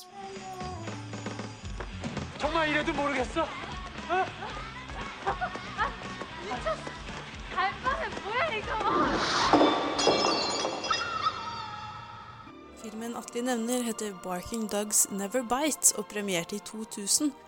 Filmen handler om en usannsynlig duo som forsøker å komme til bunns i forsvinningen av nabolagets hunder. Allerede her kan man skimte den skarpe sosialanalysen Bong Joon-ho ble roset for i Parasite. Men det er ikke den eneste mesterregissøren festivalen har å by på. Eh, ellers eh, så har vi to filmer. Vi har et eh, fokus på, på Mexico eh, spesifikt. Og eh, åpningsfilmen eh, i år er New Order av Michel Franco. Venga, a ver, los novios, un brindis por los novios. Dales unos shots a los novios, por favor. Som vant eh, juryprisen i Venezia for eh, noen måneder siden. Den eh, blir interessant å se, og vi har samtidig også et retrospektiv filmene til, til Franco. reportes de ataques masivos hasta el reciente colapso de las vías de comunicación.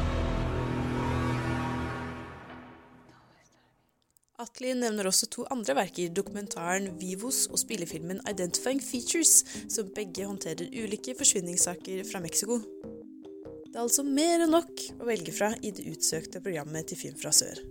Og det ser ikke ut som de kommer til å stoppe med å bringe internasjonale filmperler til den norske befolkningen med det første. Uh, det jeg veldig, veldig glad for at dere har valgt å liksom fortsette med, med Film fra sør. For det, liksom, det føles jo veldig liksom håpløst for tiden hvor alt bare stenger og, og det, man liksom mister de tingene som holder seg gående da, i en litt sånn usikker periode, rett og slett. Så det er jo Film fra sør og, og sånne kulturelle tilbud ekstremt viktige eh, i dag. Ja, det er jeg helt enig i. Og det er, eh, ja, det er en sånn vanskelig situasjon, og det er, ja, ting er veldig uforutsigbare. Så det er litt sånn å jobbe Gjøre ting, det beste ut av ting og jobbe rundt det. Og så langt så har det egentlig, har det egentlig gått greit. Eh, det, det ser ser ikke så mørkt ut for oss som, eh, som man kanskje umiddelbart kunne tenke da de nye smitteverntiltakene kom. Absolutt. Å, tusen takk for at du ville prate med meg, Atli. Det var skikkelig hyggelig. Jo, takk det samme. Jeg gleder meg masse til, til Film fra sør og håper å få en veldig deilig pause fra all eksamenlesingen min, i hvert fall. Du hører på Nova Noir. Who do you think you are, anyway? Answer me, or I destroy you! Og nå har vi egentlig kommet til veis ende, Alexander. Vi har pratet om fire ganske forskjellige, men er i bunn og grunn kan ganske like filmer, eller hva vil du si? Like tematikker, i hvert fall. Ja. Absolutt. Det er jo en grunn til at vi på en måte har samlet dem her under paraplyen eh, 'Grenseland mellom fakta og fiksjon'. Eh, en ting mange disse filmene også har til felles, er jo at de, de viser at eh, menn er glad i å iscenesette seg selv. Absolutt, og veldig opptatt av image. Ja. Og ja, som du sier, en måte å bli oppfattet på, og, og egoisme er vel en, også en sentral eh, ting her. Gjenganger, absolutt. Men ja, fordi jeg føler at egentlig så har jeg begynt å tvile litt på Spesielt Drib da, har gitt meg veldig mye sånn eh, perspektiver på hvordan jeg vurderer filmer. eh, hvordan jeg vurderer serier. Hva jeg stoler på, og hva jeg ikke stoler på. Og sånn sett så er det en utrolig spennende film, fordi den um, den setter deg litt på prøve. da, Setter deg litt i veggs om hva, hvordan du ja, tar til deg media generelt. Og det føler jeg egentlig alle dokumentarene eller filmene vi har pratet om i dag, gjør. da, På hver sin, hver sin måte. At de stiller litt spørsmål med hva vi stoler på og ikke. Absolutt. Og det syns jeg på en måte er noe som er, er viktig å bli, bli påminnet en gang iblant. At man kan på en ikke stole blindt på det man blir presentert for. Og det er sunt å møte verden med en viss skepsis. Eh, men man må samtidig huske å ha det gøy. Eh, og det er på en måte noe som har gått inn i de filmene vi har sett i dag. Det har vært Overraskende gøy. Det er mulig å ha det gøy selv om man blir vist liksom de brutale og eh, falske, løgnaktige sidene ved mennesket. Men det har jeg tenkt litt på, fordi som du sier, de har vært veldig morsomme. Ja. Og, og så er det fordi Det er jo da av naturlige årsaker. Det er bare skjedd i, i um, av, ja, av natur. Er det fordi realiteten er humoristisk, eller hva er det som gjør det morsomt? på en måte? Hvorfor er alle disse filmene som kan plutselig være helt forferdelig mørke, hvorfor har de en liten sånn dryss med humor? Det er viktig, syns jeg. Altså, det, må, altså, det er jo eh, Er det for oss? Er det for publikum? Det tror, jeg, det, det tror jeg er et veldig godt spørsmål. Jeg tror på en måte I I'm Still Here så tror jeg på en måte det er viktig at det er humor for publikum. For hvis ikke så ville det vært bekmørkt hvis det ikke hadde vært humor i den filmen. Fy faen. Eh, og også, jeg tror også altså Humoren jo, står jo også viktig i, i The Act of Killing, syns jeg. Virkelig. Altså Den er jo da veldig viktig. Det er jo spesielt for å vise menneskeligheten i disse, eh, disse ja, Vanskelig å finne et ord for dem, massemorderne. Disse menneskene Ja. vi møter. Eh, og på en måte demonstrere at de også er mennesker. Eh, og eh, ja, i, i, i F for Fake altså. Veldig morsom film. En av mine favorittscener. Nå glemte å snakke om det, men det er jo rett og slett altså når står eh, Når de snakker om Howard Hughes eh, og liksom filmer opp mot denne penthousen som han bor i, og det klippes til Orson Wells, som er bare sånn åpenbart i et studio, har på seg en veldig stor, veldig rar hatt, og er bak en busk. hvis man ser liksom opp, så må man stå og ser på denne penthousen, men det er bare sånn åpenbart ikke der han er! Igjen iscenesettelse, og, og prøver til å lure oss. Ja. Og få oss til å tenke at nå står han utenfor den bygningen og beskuer Howard Hughes. Mm. Og det er altså, denne selvrefleksiviteten da, på en måte man, man, man eh, viser fram eh, denne filmmediet. Og det, det er jo da oppbart et studio. Man klipper jo fra liksom, dokumentarbilder til veldig studiobilder. Og kontrasten blir veldig morsom. Fordi, det fikk vi egentlig ikke prate så mye om, men den er jo egentlig ganske forut for sin tid. Og jeg tenkte jo mye på og dette er veldig typisk som dokumentarprogramleder å prate og gjøre. Men det hadde jo ikke blitt en trope, egentlig. Eller en, en, en stereotypi. Hadde det blitt det på 70-tallet? Jeg tror ikke det. Nå har jeg ikke sett veldig mye andre dokumentarfilmer fra denne epoken, men jeg er ganske overbevist, og også ifølge det jeg har lest, at denne filmen her er virkelig forut sin tid. Eh, og jeg tror heller ikke at den har blitt sett så veldig mye. Jeg vet ikke om det på en måte har, at det var liksom et jordskjelv, at den hadde så stor påvirkningskraft. Men klippingen har jo liksom blitt kalt liksom en prototype for eh, den liksom, eh, attention deficit-klippstilen man ser liksom på YouTube-videoer på tre minutter i dag. Altså Den er liksom veldig eh, engasjerende måten å klippe film på. Eh, den er rett og slett Den er rett og slett ganske revolusjonerende. Og den er veldig morsom. Det er en kjempestor anbefaling. Men bare tål at Orson Wells er veldig selvopptatt. Det må man bare tåle. Men det må man kanskje i alle filmene hans, føler jeg. I, Ja, jeg nå er det, det, er, hva han heter. det er en film hvor han spiller en våpendrager, hvor han går rundt i en kjempestor eh, rustning og er veldig tullete. Der har han veldig mye energi. Det syns jeg er veldig morsomt. Absolutt. Altså, Orson Welles, En allsidig mann. En allsidig mann. En allsidig mann. En misforstått mann. Oi, oi, oi, dette er en hel sending, det her. Neste gang på Radio Nova Noir. Neste gang du er på, på lufta. For nå er du ferdig med din første gang.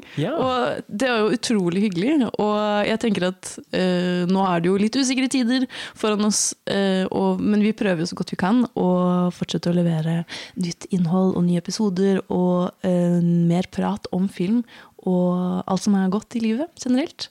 Og jeg har jo vært eh, Ina Sletten, eh, og sammen med meg så har jeg jo hatt Alexander eh, Helsenius. og på spakene, Magnus Tune. Tusen takk for at du har vært her med oss gjennom disse to timene. Lite knips. Og tusen takk, takk til deg, kjære lytter, som også har holdt deg gjennom denne episoden om hvor vi har snakket om ja, hva er virkelighet egentlig? Hva er det? Hva kan man stole på? Eh, hvem skal man tro på? Uh, rett og slett. Og det er da F for Fake, I'm Still Here, The Act of Killing og Drib som har vært uh, i all hovedsak det vi har snakket om uh, i dag. Så da har du noen gode tips til helgen i hvert fall. Jeg vil bare gi en oppfordring til at ikke begynn å tvile på alt. Ikke gå inn i en eksistensiell krise etter denne Det er det jeg føler at jeg er på vei nå. Jeg er ikke med i noe lenger. Jeg bare tar på meg foliehatten og forsvinner. Ja, men du har blitt konfrontert med mye, mye grusomt i løpet av denne sendingen her, eh, Ina. Det har vært en intens uke. Absolutt. Det har det. Uke. Mm. Så nå skal jeg hjem og se på The Crown og, og, og få ro i sjelen. Men uh, takk for i dag, og ha en fortsatt fin dag og helg. Ha det bra.